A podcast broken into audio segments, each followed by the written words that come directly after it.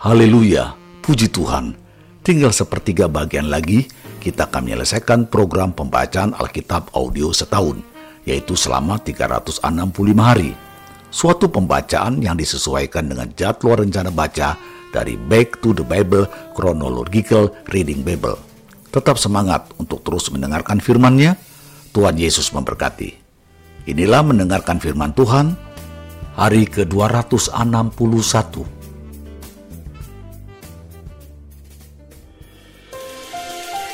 Esra pasal 1 ayat 1 sampai 11. Kores mengizinkan orang-orang buangan pulang ke negerinya. Pada tahun pertama zaman Kores, raja negeri Persia, Tuhan menggerakkan hati Kores, raja Persia itu, untuk mengenapkan firman yang diucapkan oleh Yeremia, sehingga disiarkan di seluruh kerajaan Kores secara lisan dan tulisan pengumuman ini Beginilah perintah Kores Raja Persia. Segala kerajaan di bumi telah dikaruniakan kepadaku oleh Tuhan Allah semesta langit. Ia menugaskan aku untuk mendirikan rumah baginya di Yerusalem yang terletak di Yehuda. Siapa di antara kamu termasuk umatnya, Allahnya menyertainya. Biarlah ia berangkat pulang ke Yerusalem yang terletak di Yehuda dan mendirikan rumah Tuhan Allah Israel, yakni Allah yang diam di Yerusalem. Dan setiap orang yang tertinggal, di mana pun ia ada sebagai pendatang, harus disokong oleh penduduk setempat dengan perak dan emas, harta benda dan ternak, di samping persembahan sukarela bagi rumah Allah yang ada di Yerusalem. Maka berkemaslah kepala-kepala kaum keluarga orang Yehuda dan orang Benyamin, serta para imam dan orang-orang Lewi, yakni setiap orang yang hatinya digerakkan Allah untuk berangkat pulang dan mendirikan rumah Tuhan yang ada di Yerusalem.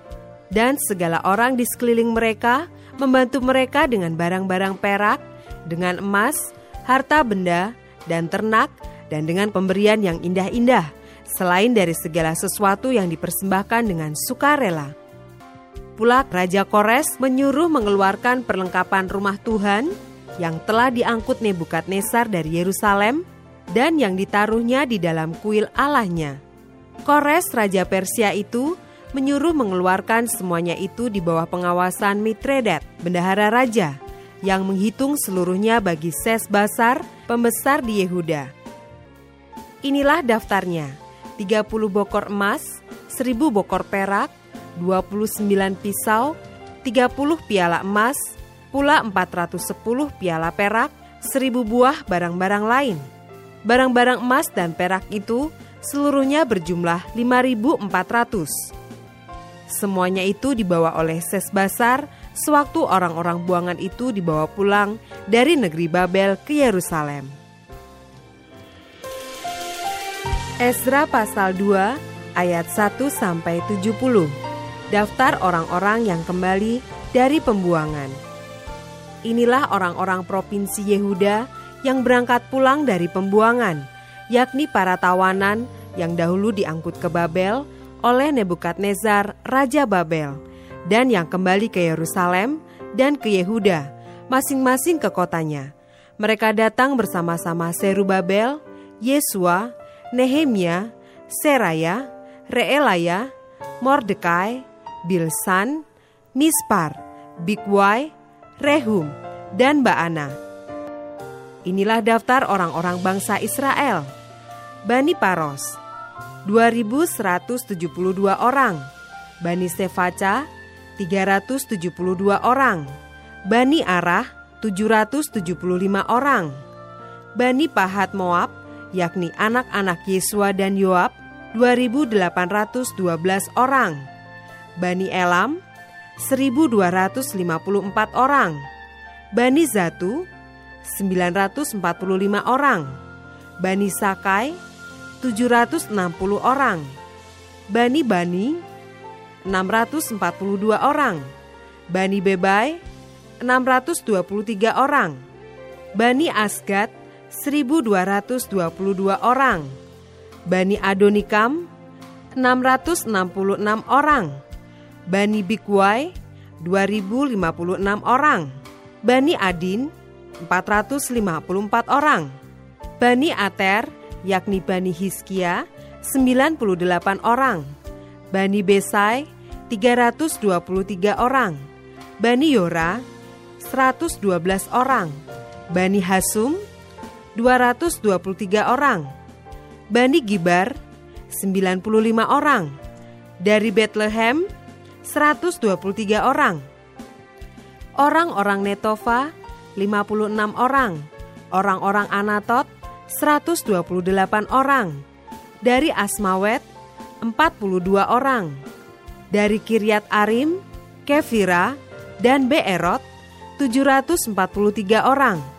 Dari Rama dan Gaba 621 orang. Orang-orang Mikmas 122 orang. Orang-orang Betel dan Ai 223 orang. Dari Nebo 52 orang. Bani Makbis 156 orang. Bani Elam, yakni Elam yang lain, 1254 orang. Bani Harim, 320 orang. Orang-orang dari Lot, Hadid, dan Ono, 725 orang. Dari Yeriko, 345 orang. Bani Senaa, 3.630 orang. Inilah para imam Bani Yedaya, yakni kaum keluarga Yesua, 973 orang. Bani Imer, 1052 orang. Bani Pasyur, 1247 orang. Bani Harim, 1017 orang. Inilah orang-orang Lewi, Bani Yesua dan Katmiel, yakni Bani Hodavia, 74 orang. Inilah para penyanyi, Bani Asaf, 128 orang. Inilah kaum penunggu pintu gerbang, Bani Salum, Bani Ater, Bani Talmon, Bani Akub, Bani Hatita, Bani Sobai, semuanya 139 orang. Inilah para budak di bait Allah, Bani Siha, Bani Hasufa, Bani Tabaot, Bani Keros, Bani Siaha, Bani Padon, Bani Lebana, Bani Hagaba, Bani Akub, Bani Hagab, Bani Samlai, Bani Hanan, Bani Gidel, Bani Gahar, Bani Reaya, Bani Resim, Bani Nekoda, Bani Gazam, Bani Usa, Bani Paseah, Bani Besai, Bani Asna, Bani Meunim, Bani Nefusim, Bani Bakbu, Bani Hakufa, Bani Harhur, Bani Baslut, Bani Mehida, Bani Harsa, Bani Barkos, Bani Sisera, Bani Temah, Bani Neziah, Bani Hatifa. Inilah keturunan para hamba Salomo, Bani Sotai, Bani Soferet, Bani Peruda, Bani Yaala, Bani Darkon, Bani Gidel, Bani Sefaca, Bani Hatil, Bani Pokeret Hasebaim, Bani Ami. Seluruh budak di bait Allah dan keturunan para hamba Salomo ada 392 orang. Inilah orang-orang yang berangkat pulang dari Tel Melah, Tel Harsa, Kerub, Adan, dan Imer. Tetapi mereka tidak dapat menyatakan apakah kaum keluarga dan asal-usul mereka termasuk bangsa Israel. Bani Delaya, Bani Tobia, Bani Nekoda, 652 orang. Dan dari antara kaum imam, Bani Habaya, Bani Hakos, Bani Barsilai. Barsilai itu memperistri seorang anak perempuan Barsilai, orang Gilead itu. Dan sejak itu, ia dinamai menurut nama keluarga itu. Mereka itu menyelidiki apakah nama mereka tercatat dalam silsilah. Tetapi karena itu tidak didapati, maka mereka dinyatakan tidak tahir untuk jabatan imam. Dan tentang mereka diputuskan oleh kepala daerah bahwa mereka tidak boleh makan dari persembahan maha kudus, sampai ada seorang imam bertindak dengan memegang urim dan tumim. Seluruh jemaah itu bersama-sama ada 42.360 orang.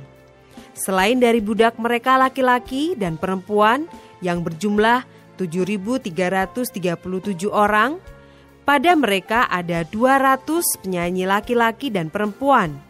Mereka mempunyai 736 ekor kuda, 245 ekor bagal, 435 ekor unta, dan 6.720 ekor keledai. Beberapa kepala kaum keluarga tatkala datang ke rumah Tuhan yang Yerusalem mempersembahkan persembahan sukarela guna pembangunan rumah Allah pada tempatnya semula. Mereka memberi sumbangan sekedar kemampuan mereka untuk perbendaharaan guna pekerjaan itu sebanyak 61 ribu dirham emas, 5 ribu mina perak, dan 100 helai kemeja imam. Adapun para imam dan orang-orang Lewi dan juga sebagian dari rakyat serta para penyanyi, para penunggu pintu gerbang dan para budak di bait Allah menetap di kota-kota mereka.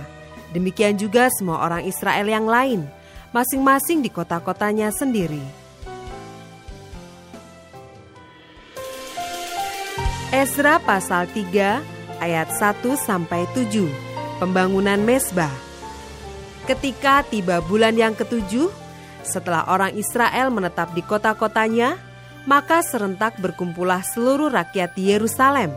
Maka mulailah Yesua bin Yosadak beserta saudara-saudaranya, para imam itu, dan Serubabel bin Sealtiel beserta saudara-saudaranya membangun mesbah Allah Israel untuk mempersembahkan korban bakaran di atasnya, sesuai dengan yang ada tertulis dalam kitab Taurat Musa, abdi Allah.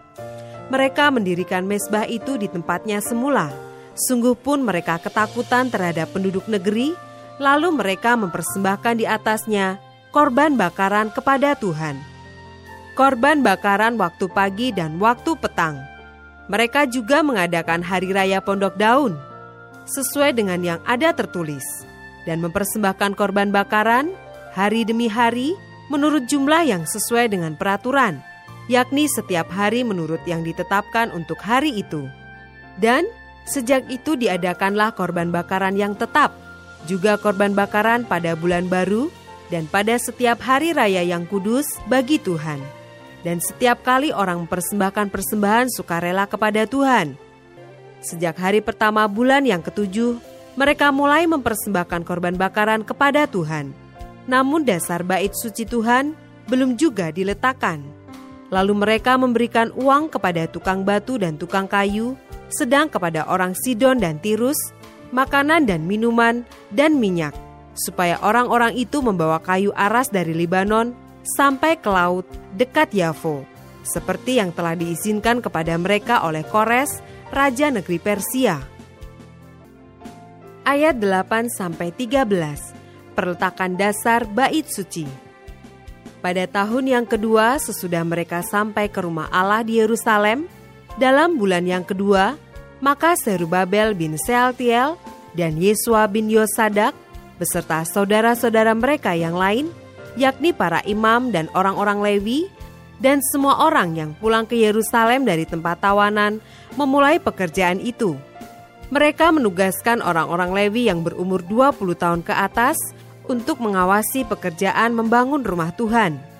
Lalu Yesua serta anak-anak dan saudara-saudaranya dan Katmiel serta anak-anaknya, orang-orang Yehuda bersama-sama bertindak mengawasi orang-orang yang melakukan pekerjaan membangun rumah Allah. Demikian juga Bani Henadat, anak-anak dan saudara-saudara mereka, orang-orang Lewi itu. Pada waktu dasar bait suci Tuhan diletakkan oleh tukang-tukang bangunan, maka tampillah para imam dengan memakai pakaian jabatan dan membawa nafiri, dan orang-orang Lewi Bani Asaf dengan membawa ceracap untuk memuji-muji Tuhan menurut petunjuk Daud Raja Israel. Secara berbalas-balasan, mereka menyanyikan bagi Tuhan nyanyian pujian dan syukur. Sebab ia baik, bahwasannya untuk selama-lamanya kasih setianya kepada Israel. Dan seluruh umat bersorak-sorai dengan nyaring sambil memuji-muji Tuhan, oleh karena dasar rumah Tuhan telah diletakkan. Tetapi banyak di antara para imam, orang-orang Lewi, dan kepala-kepala kaum keluarga, orang tua-tua yang pernah melihat rumah yang dahulu menangis dengan suara nyaring ketika perletakan dasar rumah ini dilakukan di depan mata mereka. Sedang banyak orang bersorai-sorai dengan suara nyaring karena kegirangan. Orang tidak dapat lagi membedakan mana bunyi sorak-sorai kegirangan dan mana bunyi tangis rakyat, karena rakyat bersorak-sorai dengan suara yang nyaring, sehingga bunyinya kedengaran sampai jauh. Tetap semangat, teruskanlah mendengarkan firman Tuhan. Sampai jumpa esok hari.